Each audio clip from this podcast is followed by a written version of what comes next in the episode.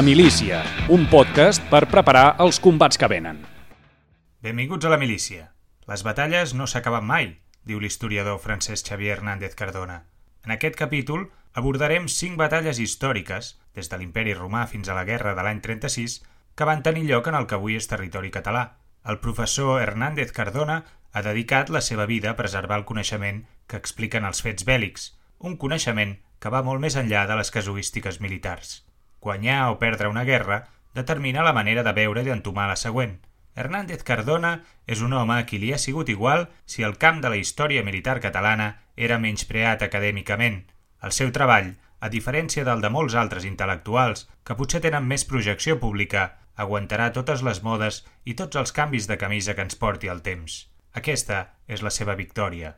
En una batalla es posen en joc tota la intel·ligència, tots els recursos i totes les capacitats disponibles. Perdre o guanyar no són fruit de la sort o de la providència, encara que de vegades són els detalls els que desequilibren la balança. Sovint, el resultat s'ha decidit molt abans que tingui lloc el combat. El cas de la batalla de l'Ebre ens proveirà algun exemple d'això. Com veurem en el capítol d'avui, l'esperit belicós dels catalans és tan antic com la terra que trepitgem.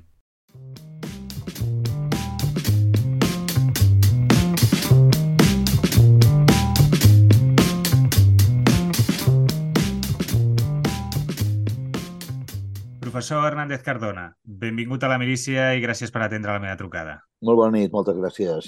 Abans que res, li volia agrair la seva deferència. Ara no faré una exposició detallada de la seva trajectòria acadèmica i professional, perquè tenim un temps limitat i el seu currículum és molt i molt extens. A més a més, bueno, bueno. per sort, existeix internet, així que que ens ho facilita tot molt, però si tenim algun oient despistat, només explicar-li eh, que el professor Hernández Cardona és eh, una eminència en el camp de la història militar catalana, ha escrit els llibres eh, segurament els més rellevants sobre aquesta qüestió. I, malgrat això, aquesta no és ni de bon tros la seva única àrea d'expertesa, sinó que també ha fet aportacions crucials en els camps de la museologia, eh, de l'arqueologia, així com també en la didàctica de les ciències socials, de la qual és catedràtic a la Universitat de, de Barcelona. Així que és fàcil d'entendre que avui estigui molt content de tenir-lo aquí a, a la milícia. El que farem ara, partint d'un dels seus últims llibres, que és aquest Catalunya, batalles que van fer història, publicat per Farell Editors l'any 2021, que és un compendi de batalles eh, que han tingut lloc a, a, a les terres que avui conformen els països catalans. Al llarg de la història doncs, hi han hagut moltes batalles i el que farem és seleccionar-ne cinc amb un criteri, amb el criteri nostre, eh, que serien Empúries, el 195 a l'any 195 abans de Crist, a la batalla de Moret, el 12 de setembre de 1213, a Sitges, eh, també l'anomenada Batalla Barcelona, el 30 de juny i l'1 de juliol de 1642, el setge de Barcelona, el juliol de juliol de, del 1713 al setembre de 1714, i per últim, la batalla de l'Ebre a juliol-novembre de, de 1938. Eh, I dedicarem una estona a cadascuna d'elles perquè eh, doncs, eh, els nostres oients, eh, si tenen ganes d'ampliar i d'aprofundir en cadascuna d'elles, doncs, eh, puguin partir d'alguna cosa. Algunes d'elles són molt conegudes, òbviament, com eh, la batalla de 1714, però d'altres no tant. Per tant, si li sembla bé, comencem per, per la batalla d'Empúries, de la qual eh, doncs, vostè diu la victòria romana que va assegurar la submissió dels íbers i que va obrir pas al domini d'Hispània. Per què va ser tan important aquesta, aquesta batalla? Doncs realment és important, però abans que res agrair-te la, la, la presentació, que no cal ni, ni dir que és exagerada. Eh, tota la gent que ens dediquem a història, la història és global i, per tant, també la història militar forma part de la història. I, per tant, no podem entendre el món sense entendre un dels seus aspectes, que és mm, precisament aquest aspecte doncs, de, a l'entorn del conflicte. Els conflictes venen de molt lluny i els conflictes són decisius eh? I, el, i el resultat d'una d'una batalla eh, pot condicionar molt el, el, el futur, total o parcialment. Eh, i això ho estem veient a, a dia d'avui. Eh? No cal anar massa lluny amb els conflictes que estem, en fi, que estem presenciant en aquests moments. Bé, aquest antic, el d'Empúries, jo crec que és un conflicte molt important per diferents raons. Una, perquè el món podria haver canviat eh, amb, aquesta, amb aquesta batalla, i no ho dic solament perquè els romans es van aconseguir eh, imposar als ibers. Per la gent que no conegui, diguem, la batalla d'Empúries és eh, la que assegura el domini romà a Hispània, quan el cònsul Cató desembarca i fa efectiu el, el domini teòric que els romans tenien sobre la península ibèrica després de la Segona Guerra Púnica, eh, això havia quedat en res, i Cató el fa efectiu. Però eh, al darrere havia un trasfons eh, que cal entendre en la Guerra Púnica, eh, en la Segona Guerra Púnica. Eh, és, és llunyana la Segona Guerra Púnica, sí, però pensin vostès que les guerres mai acaben, que sempre queden trasfons, eh, que, que, que, eh, que les seves eh, seqüeles doncs, eh, duren i duren i duren i poden durar bastants segles. Hagués canviat el món si la Segona Guerra Púnica hagués estat diferent i haguessin guanyat els cartaginesos? Jo crec que probablement sí. La victòria de Roma va, va significar la victòria d'un estat eh, eh, militarista, eh, a diferència doncs, de l'estat cartaginès, que no és que fossin eh, les germanes de la caritat, per dir d'alguna manera, però sí que eren gent eh, més respectuosa amb els pobles amb els quals tenien relació, més dedicats al comerç i en els quals la, la, la, la, la, la variable militar no ocupava un aspecte central. La guerra púnica segona com va acabar, va acabar com va acabar, però va tenir les seves seqüeles. Amb la Segona Guerra Púnica, Roma es va assegurar el domini d'Hispània, que va dividir en dues províncies, l'Uterior i la Quiterior, i era important per Roma el domini d'Hispània en tant en quant que això li garantia els, els, els recursos eh, metal·lífers més importants doncs, del moment, eh, sobretot la plata, amb la qual doncs, era una font de finançament important. Eh? De tal manera que els romans van fer les seves primeres províncies exteriors a la península ibèrica, acabada immediatament la Guerra Púnica. Ara bé, eh, Aníbal, tot i que està derrotat, estava viu i va aconseguir mm, sobreviure i va aconseguir mantenir la seva importància política i, a més a més, va, eh, diguem-ne, aconseguir eh, eh, l'hegemonia política a Cartago. Ell era el representant del Partit Democràtic i, eh, per tant, va recuperar el poder de la ciutat. I ell al cap no tenia clar la derrota i va intentar doncs, conjurar aquesta, aquest resultat de la Segona Guerra Púnica, aliança amb Síria, aliança amb Macedònia i, probablement, però d'això no en tenim proves, impulsant una revolta ibèrica allà on més mal li podia fer a Roma, que era els territoris hispans. Eh, els I, la, territoris I la clau d'aquest intent de, de, de sobreviure, de, de tornar a posar sobre la taula el, el domini cartaginès o, o d'enfrontar-se a Roma, eh, passava per Empúries. Per què és important eh, geogràficament estratègicament Empúries? Sí, ell, eh, ell eh, vol, eh, engega una, ell, no ho sabem, eh? però el cert és que el 197 abans de l'era, eh, uns quants anys ja després d'acabada la Guerra Púnica, hi ha una revolta ibèrica general. Tots els pobles de la costa, des de la zona d'Andalusia fins a la, a la zona del Rosselló, es subleven contra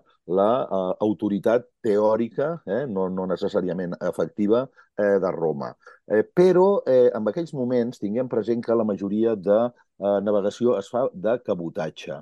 Un exèrcit eh, o una expedició important no es desplaça per mar obert, simplement és que no hi ha brújoles. Eh, per, per qui no sàpiga la diferència, què vol dir cabotatge? Sí, cabotatge vol dir que tens que les barques, els vaixells, van al arran de la costa, arran de la costa i no s'arrisquen a fer una navegació d'altura simplement perquè eh, no tenen brújula, principalment, i menys una força militar. Una força militar eh, d'una o dues legions romanes mai aniria a, a fer una travessa d'altura. Per què? Perquè ve una tempesta i poden aparèixer a l'Àfrica o poden, poden enfonsar-se, diguem, no? El normal és que vagin arran de costa i quan hi hagi perill, hi hagi temporal, etc, doncs eh, atraquin a la costa.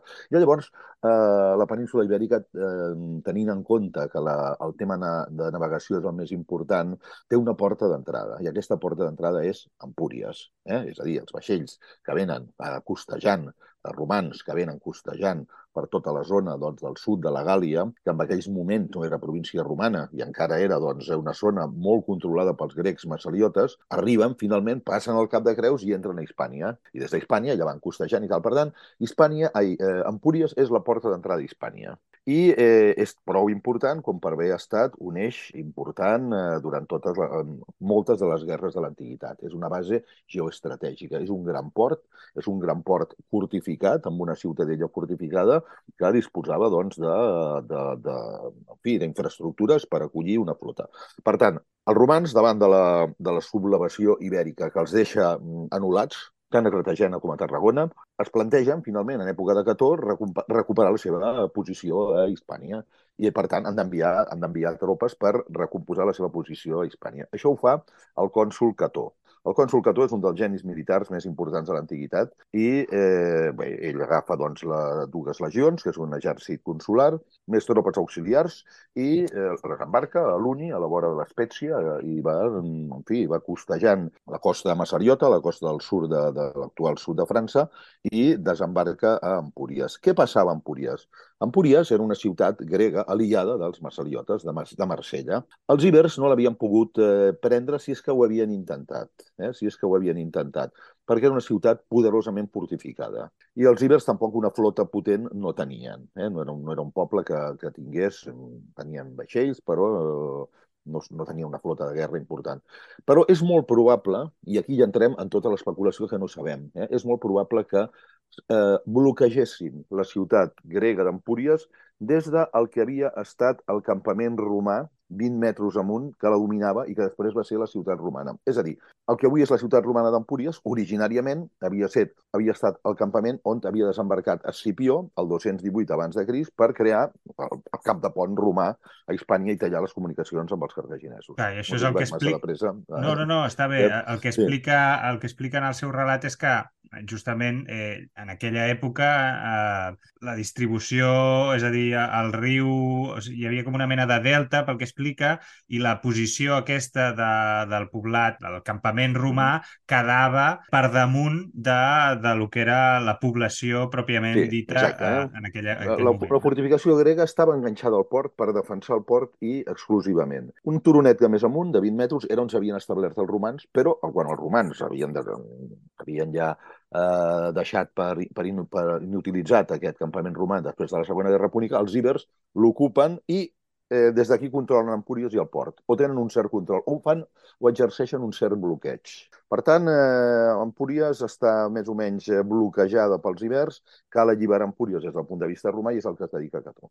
Desembarca al costat d'Empúries i s'ha de plantejar què passa, com ho faig i eh, el seu geni, eh, aquí no entrem ja en una, si uns tenen raó i els altres tenen raó, sinó veure quines, avaluar quines són les opcions de cada un dels contendents. Els ibers no poden ocupar Empúries, però intenten bloquejar-la. I tenen, doncs, eh, mobilitzat tot una, un entorn de pobles important que s'extén cap a l'actual zona de València i més enllà. Cató fa una primera ocupació de Roses, amb la qual s'assegura un port natural, i desembarca al costat d'Empúries i reforça la ciutat. Col·loca les seves tropes al costat de la ciutat, no a dins, perquè Empúries és una ciutat petita eh, de 200 per 200 metres, i clar, les dues legions que porta Cató, més tota la tropa auxiliar, no són suficients, no caben, no caben a dins, diguem, no? Quina, quan, uh, quan, de quants homes estem parlant, més o menys? Doncs mira, estaríem parlant doncs, de, de l'entorn eh, fàcilment de gairebé 20.000 homes. 20.000 homes dins d'una ciutat de 200 per 200, que seria doncs, eh, dos camps de futbol, si fa no fa, una miqueta més. Una mica estrets. No, no, no, una mica estrets. A més a més, havia cases a dins, estava emmurallada i tal, no? Llavors, Cató, eh, ell ha de pensar, diguem, bé, si ataco els, els ibers estaven segurs, perquè estaven a dalt d'un campament fortificat, eh? i Cató pensa, si ataco de dret, perdré eh, molta tropa, perquè estic en una posició de desavantatge. Els, els ibers estan fortificats i estan a l'altura. I eh, suposant que aconsegueixi arribar, perdré molta tropa i encara que marxin, no m'interessa que marxin, perquè a dalt del campament Iber, com a mínim, havien de l'ordre de, segons les fonts, doncs eh, podien haver més de 10.000 combatents, entre 10.000 i 20.000 combatents, si s'havien assabentat que havien arribat els romans, era un lloc on s'anava concentrant tropa ibèrica. I per tant, Cató es trobava en la, en la disjuntiva de que si ataco i marxen, estic perdut, perquè en un territori com és el de l'actual Catalunya, una guerra dispersa per una zona muntanyosa pot durar anys i puc estar empantanegat. I els exèrcits romans només es mobilitzaven per un any, de fet, per fer campanyes d'un any, amb la qual que tot tenia que eh, venir eh, en barca, desembarcar, derrotar els ibers i tornar a Roma amb la victòria en menys d'un any, en un any. Eh? I això per, per, què, per què era així? Bueno, són les seves, són les seves lleis, diguem. Eh? Per què? Perquè Roma és un exèrcit de ciutadans no, són, no és un exèrcit professional. Ells agafen els ciutadans i bé, farem una els que els hi toca, els hi toca fer una campanya i la campanya és per un any. Excepcionalment passen a dos anys, però no és un exèrcit professional encara. Després ho seria, però no ho és encara. De tal manera que ell decideix, dic, tinc tots els ibers reunits a dalt. És una oportunitat única per destruir-los de cop, eh? destruir la revolta de cop. I efectivament és el que es planteja. I es planteja, eh, es planteja el següent. Primer fa un campament a la zona propera de Riells, una mica endins, perquè a tot això també és molt important el subministre d'aigua. Eh? És a dir, com t'he dit, doncs, eh, de l'ordre de 20.000 eh, persones necessiten aigua, eh? necessiten, eh, menys al primavera o a l'estiu, de l'ordre de 3 litres al dia. I, eh, per tant, has de situar un campament en una zona que sigui fàcilment abastable d'aigua. Llavors, eh, probablement, probablement, no tenim la certesa, és probable que es situés a la banda de Riells i que fes una argúcia que seria atacar el campament Iber des del darrere, des de la banda del darrere, no des de la banda d'Empúria, sinó des de la banda del darrere, sortejant el que seria Llavors el Ter passava per allà, obligant els ibers a sortir i intentar derrotar-los a camp obert. I això ho fa de manera magistral segons les fonts que tenim més fiables, que són les de Titus Livi. Fa una descripció molt bona, que seria la següent. Ell a la nit fa sortir a les seves dues legions del campament de Riells, les fan a poc a poc, les situa una legió el que és la carretera que avui està entre el turó d'Empúries i el turó i el turó de les Corts, i l'altra al darrere del turó de les Corts amagada. És a dir, una legió amagada d'un turó, al darrere d'un turonet, i l'altra a la vall que tampoc es veu des del campament Iber. Segurament, diu, segons Titus Livi, envia una mica de tropa a la nit, és de nit encara, a atacar la muralla pel darrere. Els ibers, eh, és de nit encara, la guàrdia veu que els ataquen des del darrere, bé, rebutgen a aquestes tropes, que podria ser que fossin auxiliars fins i tot, i que bé, veuen que es retiren i aquí arriba la perdició dels ibers. Quan veuen que els romans es retiren, cap capdill iber eh, es vol perdre la festa. Eh? Surten tots corrents perseguint els romans. Tots corrents perseguint els romans perquè és la, el moment, és un botí, eh, eh, una carnada que no, que, no, que no es volen perdre. És de nit encara. Els romans es van retirant, les tropes que havien atacat, que eren un, un grup no massa nombrós, dos o tres mil soldats segurament, i es van retirant muntanya avall i en un moment determinat els ibers es troben que els hi puja tota una legió desplegada en les primeres llums del dia. Per tant, els ibers es troben amb gran quantitat de la seva tropa fora de la muralla, eh, fora del campament, tenint-se que enfrontar amb una formació que ve formada i que puja de dalt a vall, eh, de baix cap amunt, eh, ben formada, i eh, no els hi queda més remei que plantar cara, intentar formar les seves línies i plantar cara perquè la retirada, tornar a entrar per la porteta del campament, hagués estat una massacre. I aquí comença, continua, la, continua el desastre, no? És a dir, hi ha alternatives, els ibers, en fi, fan retrocedir la cavalleria, els romans, amb la seva formació superior dels manípuls, els, els, els, els, els fan retrocedir, i mentre Cató, amb la segona legió, dona avança, fa una amarrada, ataca l'altra porta del campament, entra dins del campament, els agafa pel darrere i produeix una autèntica massacre. Eh? És a dir, que eh, d'un sol cop destrueix tot el potencial Iber, tot el potencial Iber que se li podia oposar. I a partir d'aquí comença una passejada militar que és per tots els campaments, que va, tots els poblats que va passant, els obliga a derrocar les muralles i entregar les armes de puny, que són les armes de prestigi de la noblesa ibèrica, els hi fa entregar tot. Eh? És a dir, que no, no els hi queda... Els derrota, els aplana, eh, arriba fins a Andalusia i aquí s'acaba el món Iber i s'acaba la història eh, possible del somni d'Aníbal que havia somiat que els ibers, sumant la força dels ibers, la dels sirians i la dels macedonis, hagués pogut eh, capgirar la història de la humanitat. No va haver canvi de història de la humanitat. Podria haver hagut Potser sí, però els romans tenien aquest personatge que era Cató, que va ser un autèntic eh, geni eh, militar. Està bé perquè resseguint aquestes batalles que, que explica el, el seu llibre, es veu això que deia, no? que, que sempre hi ha més possibilitats obertes, clar, a nivell vostè que és historiador, doncs, eh, quan llegim el passat sembla que eh, gairebé fos inevitable que passés el que, el que va passar, però en, en nombroses ocasions hi ha algun petit detall, algun, algun fet que desencadena o que comporta un resultat que mm, s'hagués pogut donar d'una altra manera eh, en qualsevol cas. No? I aquí també hi ha això que deia d'aquesta aliança que buscava Aníbal, eh, que em fa pensar doncs, en, en, en situacions més contemporànies en les quals es busca que l'enemic eh, es dispersi en diferents flancs, no? que, que, que, que, tingui, que tingui més d'un punt de, de, de combat per dispersar les seves forces, no? que això també és una cosa sí, sí. que, que s'acostuma a veure, però en aquell cas Aníbal no... És el no que fa.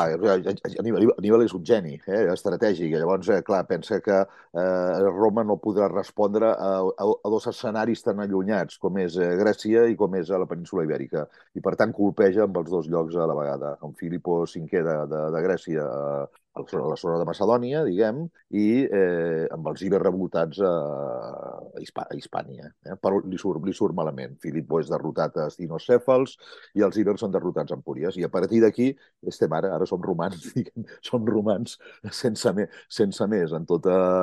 Haguéssim pogut ser diferents? Sí.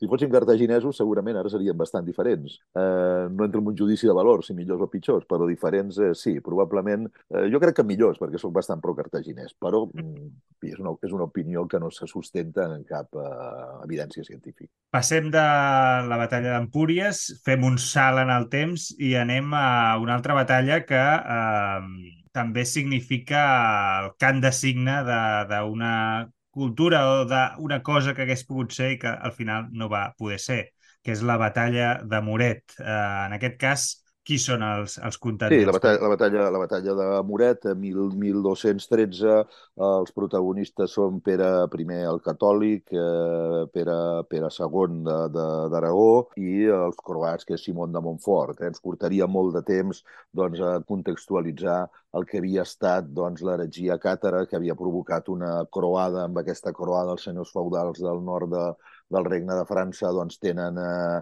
interessos, eh, però, clar, tota, hi ha territoris del sud que són feudataris de Pere el catòlic, que li diuen catòlic perquè no és, no és que fos un beato, diguem, amant de, la, de, la, de les misses, diguem, no? sinó perquè havia estat un dels líders de la batalla de les naves de, Tolo, de, les naves de Tolosa, havia estat un dels artífecs de la victòria cristiana contra els, els almohades el, 1200, el, el 1212, val?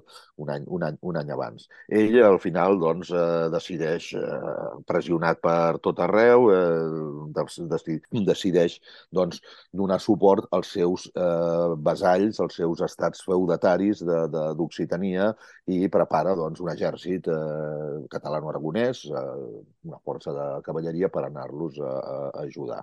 En aquells moments, eh, la confrontació es dona a la vora vora, amb un poblet a la vora de, de Tolosa, que és el poblet de Moret, i a Moret estava també és una, és, una, és una batalla molt interessant, perquè és on s'enfronten a l'exèrcit mm, catalano-aragonès, diguem, amb l'exèrcit eh, croat. Pere el, Pere el catòlic és un cervell, és un cervell militar, però amb aquesta vegada va ser superat per la, per la malícia, la perversió i el cervell de Simó de Montfort, que és el cap, del, que és el cap dels croats. Els croats estaven tancats a dins del poblet de, a dins del poblet de Moret, una ciutat, una ciutat petita, que estava doncs, flanquejada doncs, per, per la Garona, eh, per un riu eh, important, que tenia al darrere, que són els rius francesos, bueno, rius de, de, de, de, de l'actual Midi francès, són rius, són rius molt amples i, per tant, tenia l'esquena, diguem-ne, coberta i Pere el, Pere el catòlic es planteja algo similar al que s'havia plantejat Cató, és a dir, fer sortir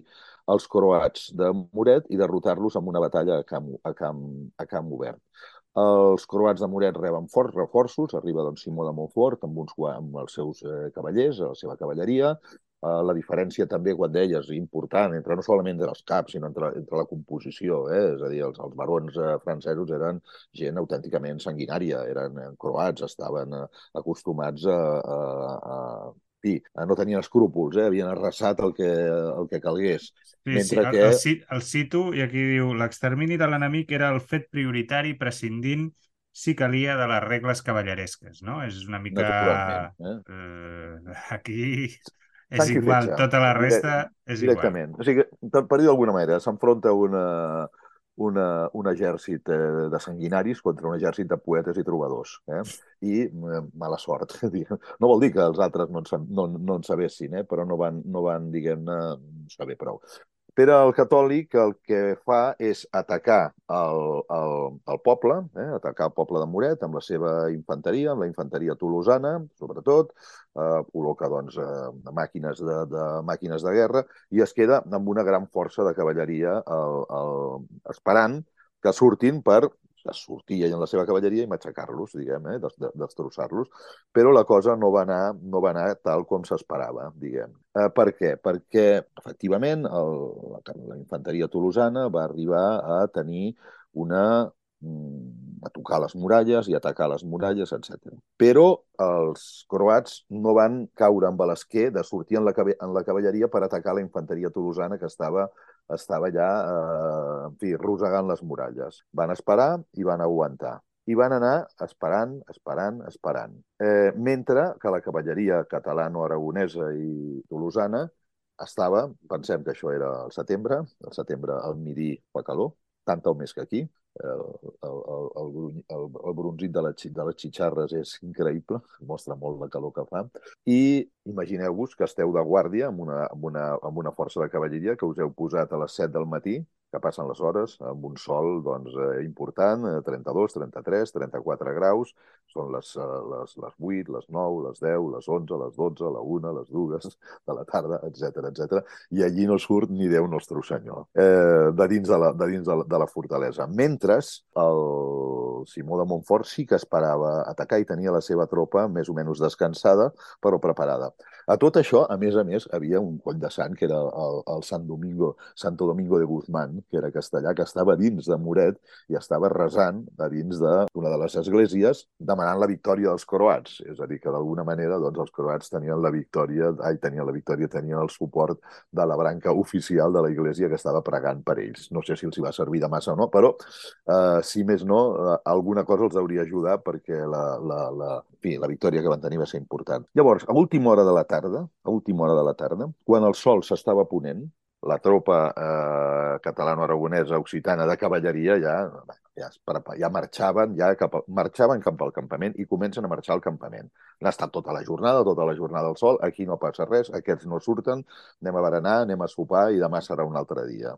I amb aquestes surten tota, tota la tropa de, de Sidomó de Montfort per una, per una porta secundària i es posicionen per atacar els catalano-aragonesos tenint el sol al darrere. És a dir, que a última hora de la tarda, quan ja s'havia retirat gairebé tota la, tota la cavalleria catalana-aragonesa, veuen aparèixer el, el, el, la pesadilla, no? una càrrega de cavalleria amb centenars de, de genets, de croats, que venen contra els que havien quedat i tu estàs enlluernat i no veus el que ve. Sents el soroll dels cavalls i veus la massa que ve i tal. I qui queda allí? Doncs pues quedava el rei. Quedava el rei, que era una persona que donava la cara pels seus. I havia estat, era l'últim que pensava retirar-se, però ja no li quedaven tropes. I si els croats els rebasaven, arribaven al campament i les resaven eh, perquè no havien tingut temps de fortificar.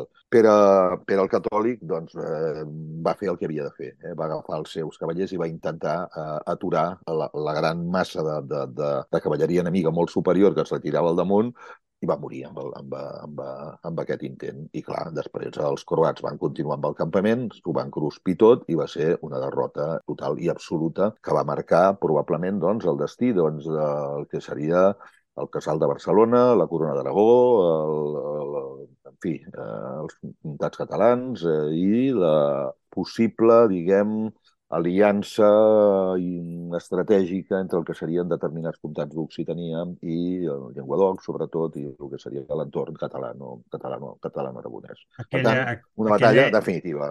Què hagués passat il·lus... si hagués... Aquella il·lusió occitana que cita en un llibre, ara no recordo a l'autor, eh, em sap greu, però hi ha aquell, aquella il·lusió occitana que després també, no, en Frederic Mistral i tota aquella, aquella cosa que, que al segle XIX-XX també ja tenia un to més eh, cultural, més eh, gairebé melancòlic o nostàlgic d'allò que, que hagués pogut ser, però que en aquell moment era més real, no? fins a la batalla aquesta que, que es va, que es va perdre. Eh, si et sembla, si li sembla, passem a la tercera batalla que teníem plantejada, que és la de, la de Sitges. Sitges, sí. Molt, queda, molt ràpidament, és queda molt a per comentar, per, comentar, per comentar alguna batalla naval, eh? perquè sembla que eh, Catalunya és un lloc que està en un pas geoestratègic a nivell terrestre, amb un extrem del Pirineu, és una via de connexió entre Europa i Àfrica, diguem, i de sempre ha estat un territori doncs, cobejat eh, des d'un punt de vista doncs, de, de control. Però aquest control no solament ha estat terrestre, sinó que també eh, la conflictivitat també ha bastat també conflictes eh, navals importants. Alguns doncs, donats en les mateixes costes catalanes i altres que han afectat els catalans doncs, eh, més enllà d'aquí. Eh? També una de les batalles a comentar de l'edat mitjana de naval doncs és la de la batalla de l'Alguer, o la batalla del Bòsfor, en el qual la flota catalana i veneciana van estar lluitant davant de Constantinople contra els genovesos, amb el que va ser una victòria pírrica catalano-veneciana al, al segle XIV. És a dir, que eh, les batalles navals s'han lliurat aquí i s'han lliurat batalles navals pels catalans mm, mm, al llarg de, en fi, de, tot, de tota, tota la Mediterrània. Aquesta, la que en diuen Batalla de Barcelona-Sitges, que és a finals de juny i principis de juliol del 1642, s'emmarca en el que seria la guerra de separació. A mi m'agrada més dir-li guerra de separació que guerra dels segadors, perquè els segadors va ser una revolta eh, social, no, no, no va ser cap guerra, va ser una revolta social. El, en canvi, la guerra de separació va ser una eh, guerra en la qual eh, l'estat català, diguem, eh, en un primer moment doncs, eh, escindit o separat de, de, de la corona hispànica i després, en un un segon moment mm, vinculat a la corona francesa, és a dir, Lluís XIII passa a ser rei dels catalans com a Lluís I, però jurant les constitucions i, per tant, eh, Catalunya continua sent un estat independent, però amb un rei eh, francès, diguem, eh, que és eh, Lluís XIII.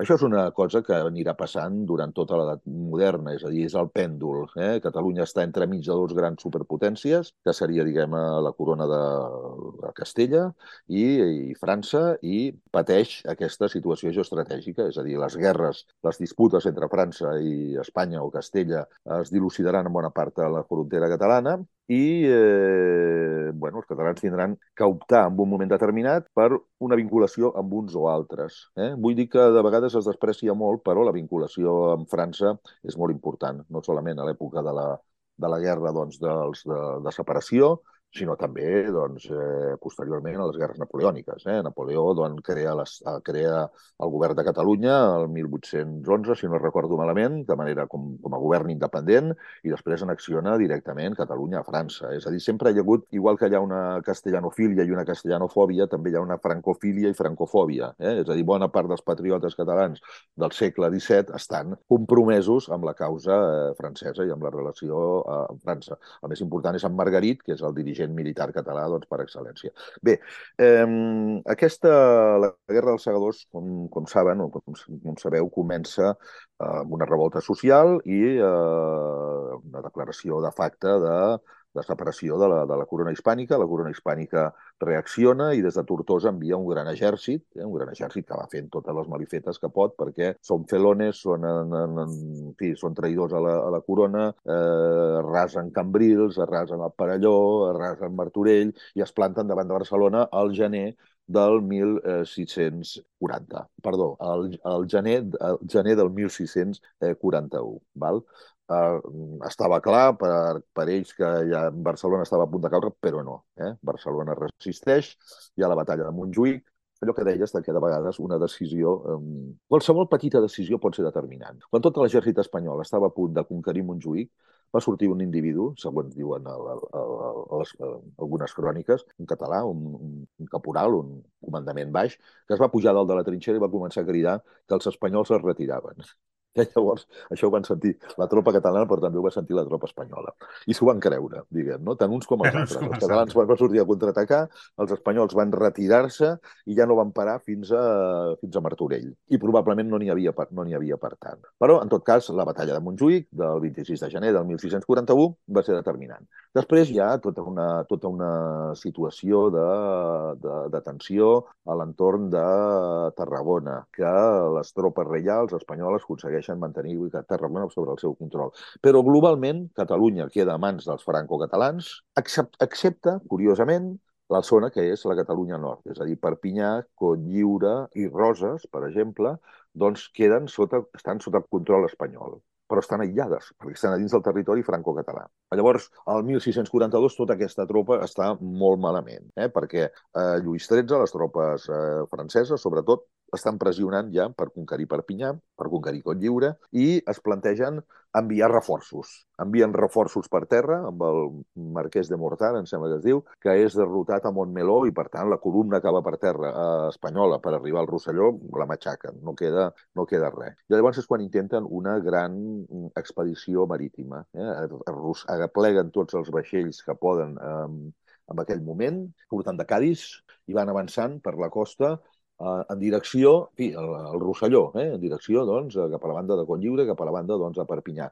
En total són eh, 36 navilis, navilis són vaixells amb, canons als, als, als costats, tres fregates amb un pont de canons, sis brulots, els brulots són els vaixells que es cremen i s'envien incendiat cap als altres, deu galeres, les galeres són molt importants a la Mediterrània perquè són vaixells que, a diferència dels navilis que depenen del vent, les galeres poden anar cap on volen els, els capitans i amb la, amb la, hi ha una bona velocitat. Tres pataixos, tartanes, que són vaixells de segon ordre, i vaixells longos, que diuen que són galiotes, que són galeres petites. Bé, eh, aquesta flota va pujant, va pujant cap amunt, es va reforçant, captura alguns vaixells holandesos, es va fent més, més forta i arriba a la vora de Barcelona, a on havia eh, també una flota franco-catalana, més francesa que catalana, que també tenia doncs, eh, 21 navilis, 6 brulots, i dos vaixells menors que se'n deien eh, filibots i una flota de 25 eh, galeres. Eh, la flota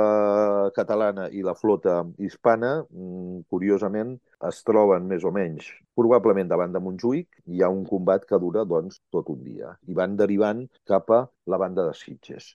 Això és molt curiós perquè després, el 1714, tornarà a haver al mateix lloc eh, un altre combat quan hi ha la captura del que diuen Gran Comboi de Mallorca a mi em queda, clar, no, no en sabem massa cosa de tot plegat, els historiadors, i a més a més a Catalunya ningú es dedica a la història militar. A mi és un tema que em queda pendent estudiar, a veure com les corrents, per què, diguem, en aquesta zona entre del Garraf hi han, com a mínim, dos batalles importants que apleguen doncs, de, de l'ordre de, de, de 200 vaixells cadascuna, que són molts per l'època. Aquí lluiten eh, ja davant, probablement més a davant de Sitges, doncs, eh, les dues flotes, depenen del vent. La, la, el, vaixell, eh, el vaixell de Guisse, que és el vaixell insignia de la flota francesa, lluita amb el Magdalena, que és el vaixell insignia de la flota espanyola. Van reforçats uns i altres per altres vaixells. Hi ha un, en fi, una situació de caos important. Els dos vaixells s'incendien, els dos vaixells exploten i se'n van tots cap avall. I el que queda de la flota espanyola se'n va doncs, cap a Maó per, per refugiar-se i el que queda de la flota franco-catalana se'n van cap a Barcelona i, eh, bueno, i aquí s'acaba la batalla. Al final, una part arriben a, dels reforços arriben a, a Rosselló, però no seran suficients, és a dir, tota la zona del Rosselló caurà, caurà a mans dels, dels franco-catalans. Que és interessant doncs, que sapigueu que entre Barcelona i Sitges hi han restes d'una batalla important i que com a mínim deuen haver doncs, uns quants centenars de canons de bronze que no han estat encara localitzats. Des del Museu de Sitges, fa cosa d'uns anys, en Pere Izquierdo, doncs, que és una, un gran arqueòleg eh, subaquàtic, va estar intentant localitzar les restes de, de, de la batalla, com a mínim els, els canons, per detecció de metalls, no ho van aconseguir. Sí que van aconseguir localitzar el que probablement eren les restes d'un brulot. Un brulot eren aquests vaixells carregats de material incendiari que s'enviaven contra els altres, però no, no sabem més. De tota manera, el que és, inter és interessant, diguem que aquí també han hagut grans batalles eh, navals. Aquesta va ser una, i la que segurament em preguntaràs ara, que és la del setge de Barcelona de 1713-1714, que la gent té la idea de que és una batalla terrestre, i ho és, eh? és un setge d'una ciutat, però també té una dimensió naval absolutament determinant. Doncs passem, passem a, al setge, segurament és la, la més famosa de totes, eh, o la més coneguda, perquè és la que ha donat peu també a, a, bueno, a aquesta, a aquest, símbol, a aquest simbolisme, no?, que és l'11 de setembre, eh, en el qual doncs, eh, celebrem la Diada Nacional i, i per tant, doncs, eh, tots ho tenim més o menys present, tot i que és veritat que llegint aquesta, aquest, el relat que, que em fa, doncs, eh, penso que sí que és veritat, no sé, això m'agradaria saber la seva opinió sobre el llibre del Sánchez Pinyol, que va publicar fa uns anys, eh, em sembla que es diu Victus, Victus eh, sí. que, que va ajudar a popularitzar bastant eh, en termes eh, de, de, de defensa, no? en termes, eh, perquè parla una de les seves figures, ara no, no recordo si és el, el Bauban, em sembla que és, el, no sé com es pronuncia. Sí, però que, Boban, sí. Boban és un, dels, un cosí, dels és, un, és un, un, un nebot del, del, del gran eh, enginyer, diguem, eh? un familiar, sí. I ara no estaven si... les tropes de Berwick. Exacte. I no sé si, si és fidedigne del que realment va passar o no, el llibre de Sánchez Pinyol. És una curiositat que tenia que també li vull... Bueno, aviam, el Sánchez Pinyol és un gran novel·lista, potser del, dels millors que tenim eh, i que s'ha atrevit a tractar temes històrics, diguem. Vaja, crec que no va estar tot el ben assessorat que hauria d'haver estat en temes històrics. L'hauria d'haver trucat, per, perquè... trucat a vostè. Sí, segurament que sí, que hagués anat millor la cosa, diguem, eh? perquè després hem col·laborat en coses... La... Clar, després hem col·laborat en coses i tal, diguem, no?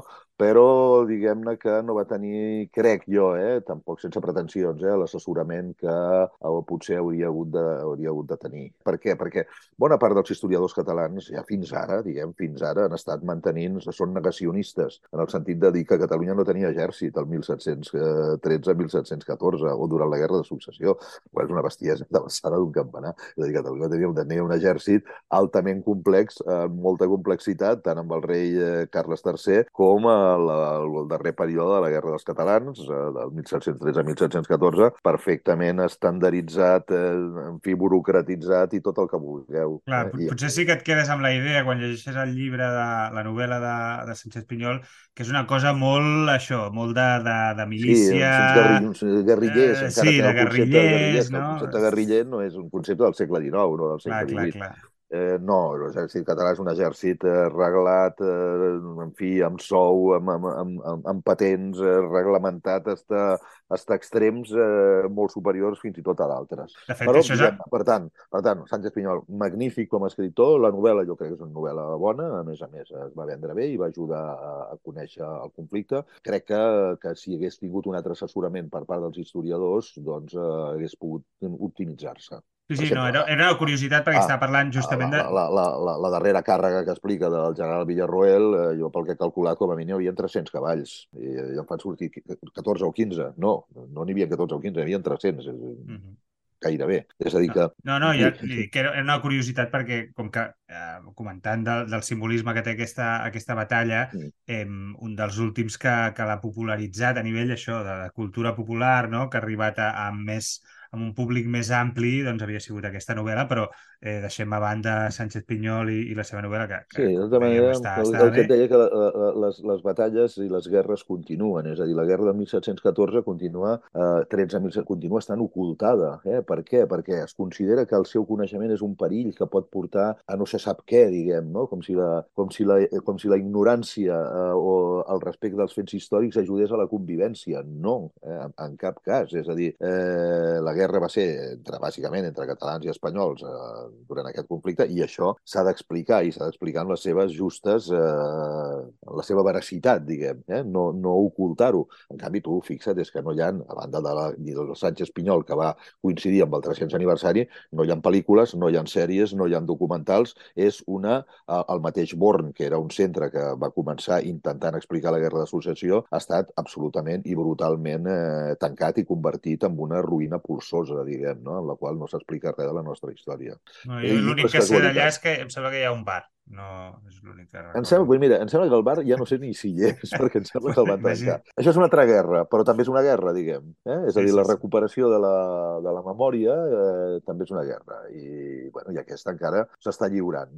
Doncs expliqui'ns, expliqui'ns sí, una mica bueno, per, què diu, per què diu que totes, tota Europa diu, eh, va estar pendent d'aquest setge, que és el que el va sí, fer especial. Mira, eh, tota Europa perquè realment a, a, a la, és, és molt llarg d'explicar, eh? però la guerra de successió no és una guerra de monarques ociosos, com de vegades ens diuen. No, s'enfronten dos models, dos models pel futur de la humanitat. El model de la barbària, que és el model de l'absolutisme borbònic, eh, amb el qual el rei eh, el rei Sol, Lluís XIV, volia ser el, el rei absolut, és a dir, qui tenia el poder legislatiu, executiu, judicial i gairebé eh, acabaria tenint el religiós fins i tot, i el que serien eh, gent que no eren ni productius, és a dir, només vivien d'explotar la pagesia, d'explotar eh, eh, eh, els seus recursos nobiliaris, aquest model en el qual Espanya cau perquè el Felip V, que és el, el, el net de, de Lluís XIV, li toca la corona probablement amb falsificacions del testament de Carles II, doncs eh, s'enfronta amb un altre model. Un altre model que jo no vull dir que sigui democràtic, però sí que és participatiu. En aquest model hi ha doncs, la, la, la Gran Bretanya, que té un sistema parlamentari, Holanda, que té un sistema parlamentari, Àustria, que té un sistema de monarquia... Eh, Àustria no és, una monar... no és, no és un regne, eh? és, una, és, una, és un arxiducat, però té un sistema doncs, de, de, de, de monarquies i de sobiranies compartides doncs, bastant eh, interessant i eh, que, a més a més, són potències industrioses, tant Àustria, ai, tant a Holanda com a Anglaterra, protodemocràtiques, en, en parlaments, eh, en els quals diguem, eh, la, hi ha sistemes de participació i eh, industrioses, és a dir, amb models doncs, de dinamitzar el comerç i la indústria. Catalunya, finalment, amb aquest conflicte, opta pel seu horitzó, que és amb, aquest, amb aquestes forces de progrés. Eh? Compte, eh, opta per Àustria, eh, Holanda i Anglaterra, mentre que eh, la resta, en fi, el, la corona de Castella, sobretot, opta per la, en fi, per l'absolutisme. La, l'absolutisme no tenia cap futur a la humanitat. És a dir, l'absolutisme no va sobreviure ni al segle XVIII. Quan el cap de Lluís XVI cau rodant per la plaça de la Concòrdia, es demostra que allò no tenia, no tenia vigència, no tenia res que oferir al món. Per tant, era una via morta. Per tant, és un conflicte en el qual eh, es dilucida el futur de la humanitat en certa part i que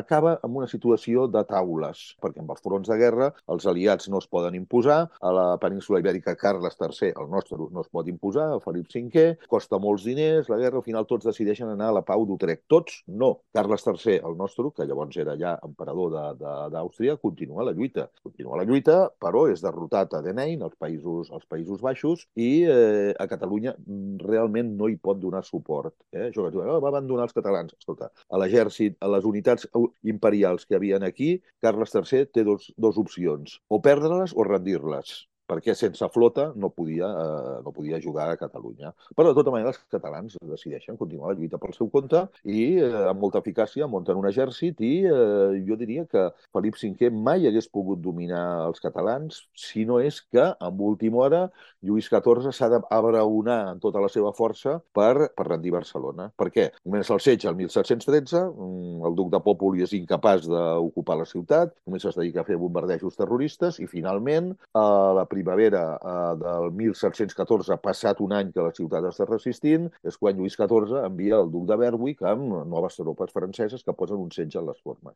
I això és el que diu que és, que és una, una, una notícia impensada no? en, en aquell moment de que una ciutat sobrevisqui un setge durant més d'un any, no? És, sí, és... el que passa que, anem a veure, el, els inútils dels enginyers espanyols, diguem, durant des del 1713, havien estat incapaços de muntar un setge en les les formes. I no podien realment, i en tot el país i el país en contra, estaven en una situació militar molt fotuda. De tal manera que qui els hi salva la, la patata calenta és França, eh? I, amb, i amb l'exèrcit doncs, de, de. Quan arriba Berwick, amb els seus enginyers, que deies, Dupuy i Boban, entre d'altres, sí que munta el que diu un setge en les formes. I assegura el que és més important, el control eh, naval, eh? perquè pensa que, clar, és tot molt complicat. És a dir, moure un exèrcit de 40.000 persones, com el que havia a l'entorn de Barcelona, de setge, no solament necessites menjar, sinó que necessites munició. No hi ha fàbriques de fundició de, de, de, de bales de canó de ferro, ha de venir de, doncs, de França o ha de venir d'un altre lloc, majoritàriament de França. La pólvora ha de venir d'un altre lloc. Els canons, que un canó pesa 3.500 quilos, ha de venir tot el tren d'artilleria des de França. Tot és tremendament complicat.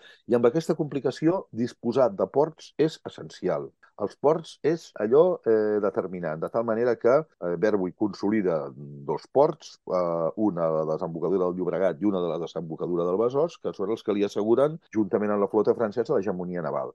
A banda, eh, Barcelona eh, havia aconseguit ser com una mena de república corsària. Eh, havia muntat la seva flota, que era important, i amb, amb la qual estableix un cordó umbilical de Barcelona a Mallorca i de Mallorca a Itàlia, que Itàlia està en poder de Carles III, a partir del qual Carles III té un cordó umbilical fins a Barcelona que va vestint de uh, municions, uh, soldats, soldats van una banda i una altra, perquè n'hi ha bueno, seria llarg d'explicar, però hi ha soldats d'aquí que van cap a Mallorca, i a l'expectativa de que tot canvi. Per què tot pot canviar? Perquè a Anglaterra hi ha la possibilitat de que es torni a plantejar doncs, les hostilitats amb França, perquè la reina Anna estava molt malalta, finalment la reina Anna és mort, els conservadors perden el poder, tornen a pujar els liberals i la ja, ja sé que no, Ja sé que no té res a veure, eh? però quan parlem de la, de la següent batalla, que és la batalla de l'Ebre, també sí. hi ha aquest, aquesta idea de mantenir no, el, el front obert, mantenir la resistència perquè clar. a nivell internacional eh, hi hagi una clar. altra no? Clar, clar, perquè tota batalla té una dimensió política, sempre. És a dir, eh, i tant amb el segle XVIII, 1713-1714, com el 1938, la dimensió, el rerefons polític també juga, també juga, i la dimensió internacional doncs, també també juga. En aquest cas, havia la possibilitat de que eh, la mort de la reina Anna obrís un nou, un nou, eh, nou compàs d'espera de, a Europa que permetés canviar i els anglesos ja dominaven Menorca després de tot plegat i per tant havia, havia possibilitats, però no es va arribar a, a temps. Però sí que s'ha de tenir present que tota la campanya naval és importantíssima i que la flota de Barcelona aconsegueix destrossar la flota espanyola diferents, en diferents ocasions i mantenir... O sigui, si Barcelona es pot mantenir és perquè la flota de Barcelona, la flota catalana, aconsegueix que puguin arribar tots els partrets de Mallorca i d'Itàlia. Des del moment que... On s'explica? És a dir, això no, de... No s'explica, no, no, no s'explica perquè, perquè no està... Eh, és el que et deia abans, és a dir, eh, la nostra història militar no, no, ni, no hi ha hagut ningú eh, interessat interessat a promocionar-la eh, ni a estudiar-la i s'explica molt poc. Però, diguem, doncs no sé, ara el Xavier Rubio va fer un article bastant interessant a la revista Drassana sobre la flota corsària catalana, en totes les preses doncs, que havia fet. Clar, arriba a ser un autèntic negoci, eh? és a dir, els corsaris, que no, és dir, una cosa és la flota reglada i l'altra la flota corsària. Els corsaris catalans es posen, en fi, s'enriqueixen eh, molt durant amb aquesta guerra perquè tenen, en fi, patent, patente de corso, diguem, no? per, per atacar tot el que troben. I clar, és tot un món molt, molt complex, però realment eh, el setge de Barcelona és tant un setge terrestre com un setge eh, naval. Però llavors arriba el darrer dia, diguem, no? Berwick, després d'haver matxacat eh, la ciutat, intenta atacar. Intenta atacar i la primera vegada que s'ataca, que s'ataca el baluart de, el baluart de Santa Clara i el baluart de Portal Nou, l'intent fracassa.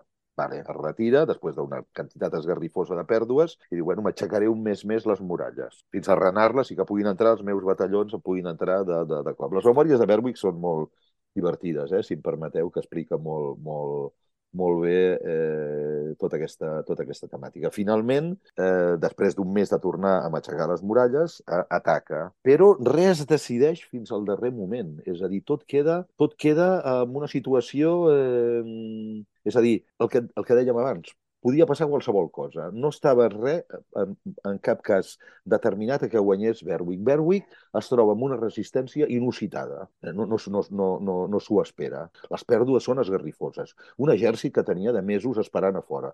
Els havia promès entrar a saquejar la ciutat. El que espera un soldat després d'un any d'estar de, de, a les trinxeres a sol i serena i entomant aigua és entrar, robar, matar, violar, etc. I això és el que els havia promet, el, el saqueig. Eh? Felip V havia ordenat saquejar i destruir Barcelona. I això és el que esperaven tots.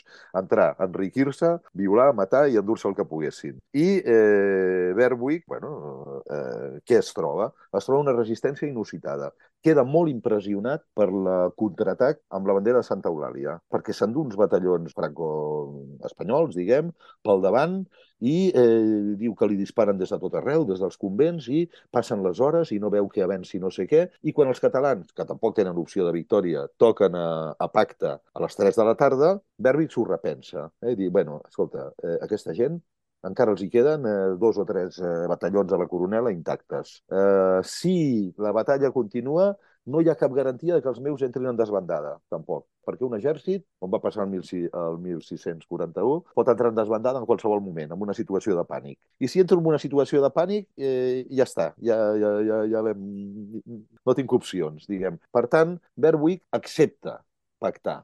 Eh? És a dir, que d'alguna manera, i, i quan pacta, pacta que no es tocarà a ningú de la ciutat, que no es robarà, que no es violarà i que no hi haurà eh, cap abús i que tots els, els barcelonins, la gent que estabia aquí, mantindran les seves propietats. Contradint les ordres que tenia de Felip V eh? i contradint les ganes que tenien les seves tropes de robar, violar, matar, etc etc. De tal manera que, d'alguna manera, encara que els catalans no guanyin la batalla, sí que és cert que la bandera de Santa Eulàlia, que l'alcaldessa Colau va guardar una altra vegada en un magatzem de la zona franca, es va, es va restaurar quan l'exposició del Born, eh, i es va exposar, però eh, una, una bandera important, històrica dels, barcelonins, ara torna a estar, en fi, eh, suposo que ple de pols en un magatzem, Santa Eulàlia va tornar a salvar la ciutat, perquè si els catalans no haguessin demostrat la seva voluntat de combatre, haguessin entrat, haguessin arrasat, haguessin exterminat a la població i haguessin cremat la ciutat tal com volia eh, Felip, Felip V. És a dir, que és un cas d'aquests en els quals es demostra que de vegades la, la resistència és important, si no, eh, si no determinant. Eh? De fet, eh, per tancar una mica i ja passar a l'última batalla, és una mica això que el símbol és aquest, no? El símbol no és la derrota, el símbol és, eh, és aquesta resistència eh, és aquesta, eh, ho diu molt bé al seu llibre, diu, en aquests contraatacs que parlava, diu eh, que la, la moral de lluita i fins i tot de victòria, una moral de victòria, diu, mm, havia, devia ser extraordinària, no? I llavors, d'on surt la, aquesta moral, no? La victòria era possible fins al darrer moment. I al final és, és aquesta moral el que simbolitza l'11 de setembre i no pas la derrota, no? Allò típic que es diu que l'11 de setembre Eh, vull dir que, sí, que, que, sí, sempre, bueno, que, sí. que sempre celebrem no, no, derrotes, no? Sí, no, i que a més a més, clar, era una resistència inútil, no? És a dir, ells, a l'exèrcit català, durant tota la guerra, de 1713 a 1713, ells estan convençuts de que poden guanyar, i realment poden guanyar, i realment haguessin guanyat si França no hagués intervingut amb tota la seva força. Felip V sol mai hagués pogut controlar Catalunya i derrotar Barcelona. Va ser necessari tota la, tot el pes de, de França, i malauradament el canvi de teatre internacional va arribar tard, perquè perquè eh, si la ciutat hagués aguantat tres o quatre mesos més, probablement eh, la Gran Bretanya, ja llavors, hagués intervingut amb la seva marina des de, des de Maó, desbaratant el setge, igualment. Eh? Berwick sense marina no hagués tingut cap opció. Molt bé, doncs tot, tot és molt interessant, eh? Tot és molt sí, interessant, tot plegat. El que, clar, hi ha molt poca gent que s'hi dediqui amb això i, bueno, sembla que no interessi, diguem. Doncs ho deixem aquí de moment i ens centrem ja en l'última batalla, eh, que també és, que també és l'última de, de, del llibre i a més eh, vostè li ha dedicat un llibre, eh, em sembla que es diu 1938, ara no sí. ho tinc aquí. Sí, sí. La batalla de l'Ebre, no? Sí, fet bastanta sí, cosa amb l'Ebre. Nosaltres, el grup de Dit Patrick, és el nostre de recerca, hem fet excavacions, hem fet museus, hem fet eh, intervencions didàctiques, hem fet molt més un tema que sempre ens ha interessat, l'arqueologia i la història del conflicte.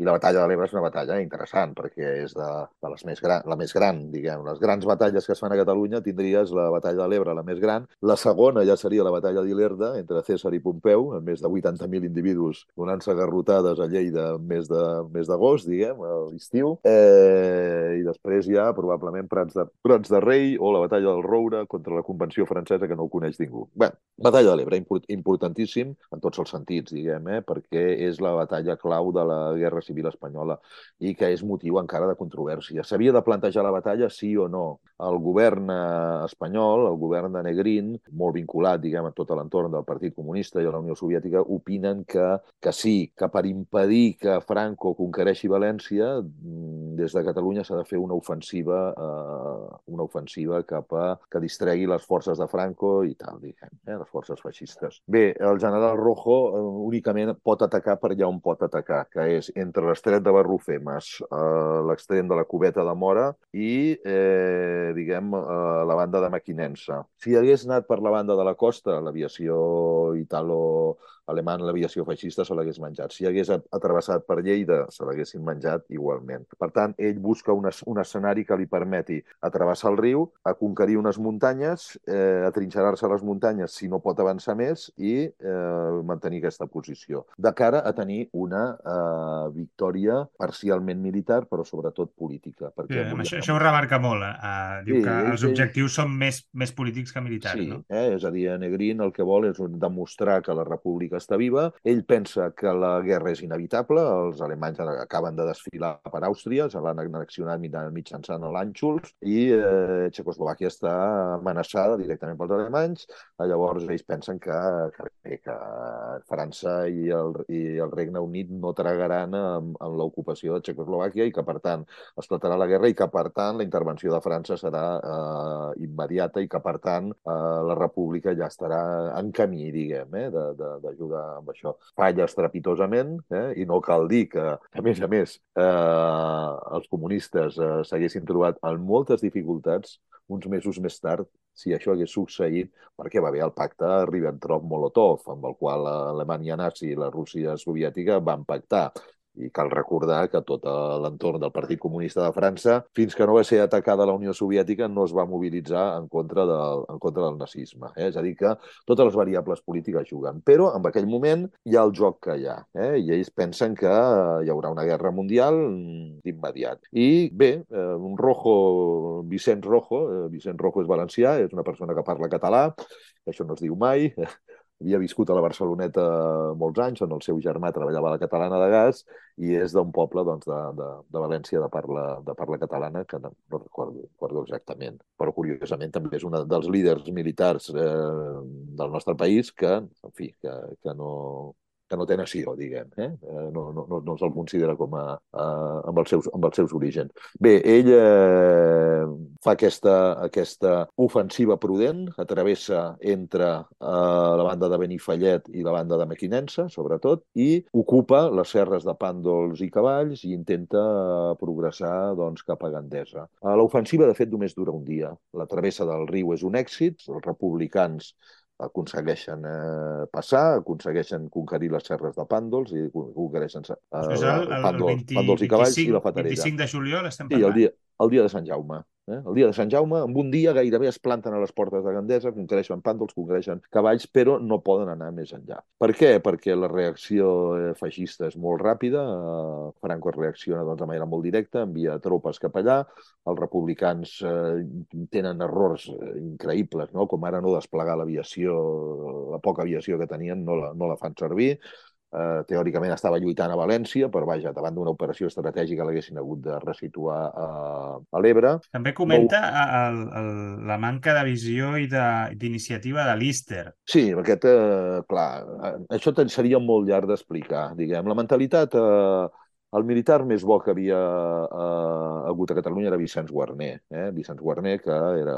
era maçó, era el que havia estat cap de l'exèrcit de Catalunya, etc etc. Seria molt llarg d'explicar perquè, en realitat, el cop d'estat, el cop, el cop de, dels fets de maig de 1937, que sempre s'expliquen eh, com un enfrontament contra els anarquistes i el PUM, en realitat, el que buscava el Partit eh, Comunista era destruir la, el poder de la Generalitat. I això ho aconsegueixen. És a dir, eh, liquidar el poder de la CNT-FAI d'una banda i del PUM, la influència del PSUC és molt gran i es manifesta en dues coses, sobretot. Una, que seguint els interessos de la República Espanyola liquiden o s'annexionen tot el que són les indústries de guerra de la Generalitat, passen al govern de la República, el mateix any, el 1938, i després a l'Exèrcit Popular de Catalunya, que era independent de l'Exèrcit Popular de la República i que el, el comanava doncs, a, a en Guarner, eh, queda, i que havia tingut alguns èxits, eh, començava a tenir èxit al Front d'Aragó, és substituït per l'Exèrcit Popular de la República. S'integra l'Exèrcit Republicà de la República, que estava eh, controlat per comandaments comunistes. Els comandaments comunistes són molt desiguals. Eh? Tens autèntics desastres, com era el Campesino, que era un senyor que era un, un, un covard, que fins i tot ells mateixos el, el, el, el, el treuen. Gent molt bona, eh? com eh, el tinent coronel Manuel Tagüenya, tio extraordinari, molt, molt bo, un jove estudiant eh, de, de, de, de medicines, sí, no físiques, i eh, individus desiguals com Enrique Lister. No? Enrique Lister, no, no, és a dir, tenen gent, no tenen militars, però sí que tenen gent capaç i que els converteixen en herois propagandístics, però que de vegades no. I Lister no té un cop ocupat Pàndols, eh, la serra de Pàndols i, la serra de, i part de la serra de Cavalls per les seves unitats, hagués hagut de baixar cap a Gandesa i ocupar-la en el primer moment. I no té iniciativa. Espera, Probablement igual també havia problemes de rivalitat eh, entre l'Ister i Tauenya. Eh? Espera que Tauenya, que és a qui li tocava, vagi des d'Escó, pugi per Corbera i arribi doncs, a Gandesa. És a dir, eh, si hagués tingut una mica d'iniciativa, l'Ister, els republicans haguessin ocupat Gandesa. Hagués significat això que haguessin guanyat la batalla? No, no necessàriament, però sí que hagués donat un altre viatge, hagués pogut doncs, plantejar-se doncs, d'una altra manera. Gandesa no s'ocupa, i eh, d'immediat els republicans han de passar a la defensiva. Llavors són tres mesos en els quals eh, l'exèrcit feixista fa una ofensiva al darrere d'un altre, una ofensiva al darrere d'un altre, i en el qual, d'altra manera, es demostra que l'exèrcit popular havia desenvolupat una capacitat important en tot el que seria tecnologies tàctiques i estratègies defensives. Sense excloure que, un tema que tampoc s'acostuma a considerar, que una part important dels reclutes del nou exèrcit de l'Ebre estaven reclutats a Catalunya i eren gent de 38 anys, la lleva del SAC, o eren gent de 18 anys, que eren els de la lleva, de, que se li va dir la lleva del Vivaró. Aquesta gent ja, a banda, estan defensant la seva pròpia terra, estan defensant el seu propi país.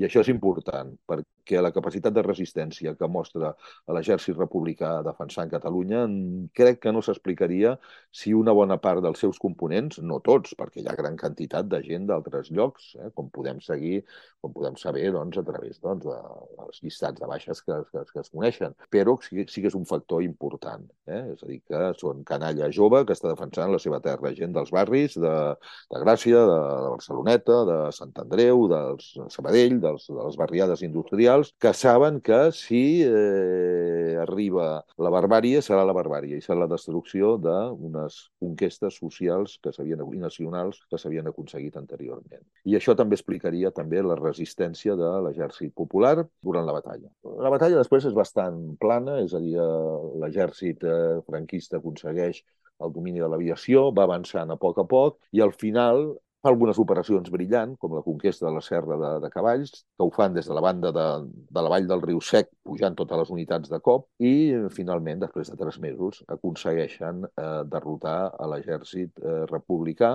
en un context en el qual Europa no ha passat, no ha vingut la Guerra Mundial, és, és més, ha hagut el pacte de Múnich, en el qual França i el Regne Unit han claudicat i han permès que, això és el setembre de, de sobre el 27, no recordo, de setembre del 1938, el pacte de Múnich significa la destrucció de Txecoslovàquia, però indirectament també la sentència de mort de la República Espanyola, perquè vol dir que ja ni, a, ni el Regne Unit ni França intervindran. Es tallen les fronteres, es talla el subministre del tot, no hi ha esperança a nivell eh, europeu i eh, la gran batalla política que s'havia plantejat es nota que no tenia cap sentit, que poder hagués estat més intel·ligent plantejar una batalla estrictament militar centrada en la defensa de Catalunya eh, tal com s'havia fet a València. Però això és un altre tema que ja hem d'entrar amb un altre, amb un altre d'això. I... Uh, destacar que el 15è cos d'exèrcit, que és el que està a la Serra de la Fatarella, és el que millor resisteix, a l'exèrcit de Tagüenya, i Tagüenya és l'únic que aconsegueix que totes les seves tropes passin uh, disciplinadament per Flix a l'altra banda a l'altra banda del riu i que aconsegueix salvar tot el seu exèrcit per lliurar la campanya de Catalunya. Noi molt jove, uh, que havia estiu, estiuejava a Catalunya, a més a més, havia estiuejat a Catalunya de, de petit, de jove, eh, a Alp, eh, la seva mare més i, una, i les tenien relació amb famílies d'Alp eh, vinculades a l'educació. I amb aquesta batalla pràcticament... S'acaba, és... s'acaba tot, tota la batalla de l'Ebre. És, és el... La batalla de l'Ebre. Eh, dura la batalla de l'Ebre? Sí, dura la batalla de l'Ebre. La batalla de l'Ebre dura perquè és la que otorga la victòria definitiva al franquisme. El franquisme dura 40 anys, però després dura 40 més perquè, d'alguna manera, l'estat que genera Uh, després de la mort de Franco és un estat postfranquista que conserva bona part doncs, dels seus uh, valors, uh, sistemes, estructures, etc etc. És a dir, que la situació actual nostra també és conseqüència no solament dels cartaginesos i d'Aníbal, sinó també d'altres doncs, uh, confrontacions. Pensa que en una confrontació es posen en joc tots els recursos, tota la intel·ligència i tots els sistemes que hi ha uh, en un moment donat. I això és un dels, dels aprenentatges, a veure, tothom ja n'és més o menys conscient, però és veritat que guanyar o perdre una guerra eh, importa, és a dir, no, no, és, no, és, no és gratuït, no... Del tot. No? Vull dir que... Del tot. Nosaltres, nosaltres els catalans, som... És una obvietat, poble... però com un poble vençut, no solament el 1714, sinó sobretot hem estat un poble vençut des de 1938, diguem. I aquesta categoria, diguem, entre cometes, de poble vençut ens, ens, ens determina la nostra mentalitat, la nostra cosmovisió i la nostra manera doncs, de fer les coses. Tenim el pensament del, del, dels derrotats. Bé, doncs aquí estem Jo crec que amb això, amb això No tancarem... és per desanimar, eh? però és una evidència No, no, no. empírica, diguem. Eh? És a dir, fins a... No, Sí, jo ho Jo el que ho interpreto en el sentit de que ens falta una victòria per, per, canviar, per canviar aquesta mentalitat o aquesta cosmovisió de Fixa't que no, no, és un, no és un tema militar, però la confrontació de l'1 d'octubre, que va ser una victòria, diguem, eh, doncs s'està presentant a dins de l'imaginari doncs, de, dels, de determinats eh, sectors com una, com una derrota, com un error, que no s'hagués hagut de... Escolta, va ser una victòria, jo és el més increïble que he vist, diguem, eh? Eh, I mira que porto militant, diguem, eh, políticament des dels 17 anys i no havia vist mai cosa igual com a l'1 d'octubre. Eh? Una cosa increïble. En fi, la victòria l'hem tingut, però s'han de, de saber explotar. Correcte, doncs eh, ho deixarem aquí perquè ja portem, ens hem passat una mica del passat temps. una mica, oi? Sí, però que bé, sí. ha, valgut la, ha valgut la pena. Eh, Molt professor, molt agraït. Passaria molta més estona parlant, però tenim el temps que Doncs tenim. moltes i- gràcies a vosaltres i quan vulgueu, doncs ja ho sabeu, a la vostra disposició. I molt bona nit a tothom.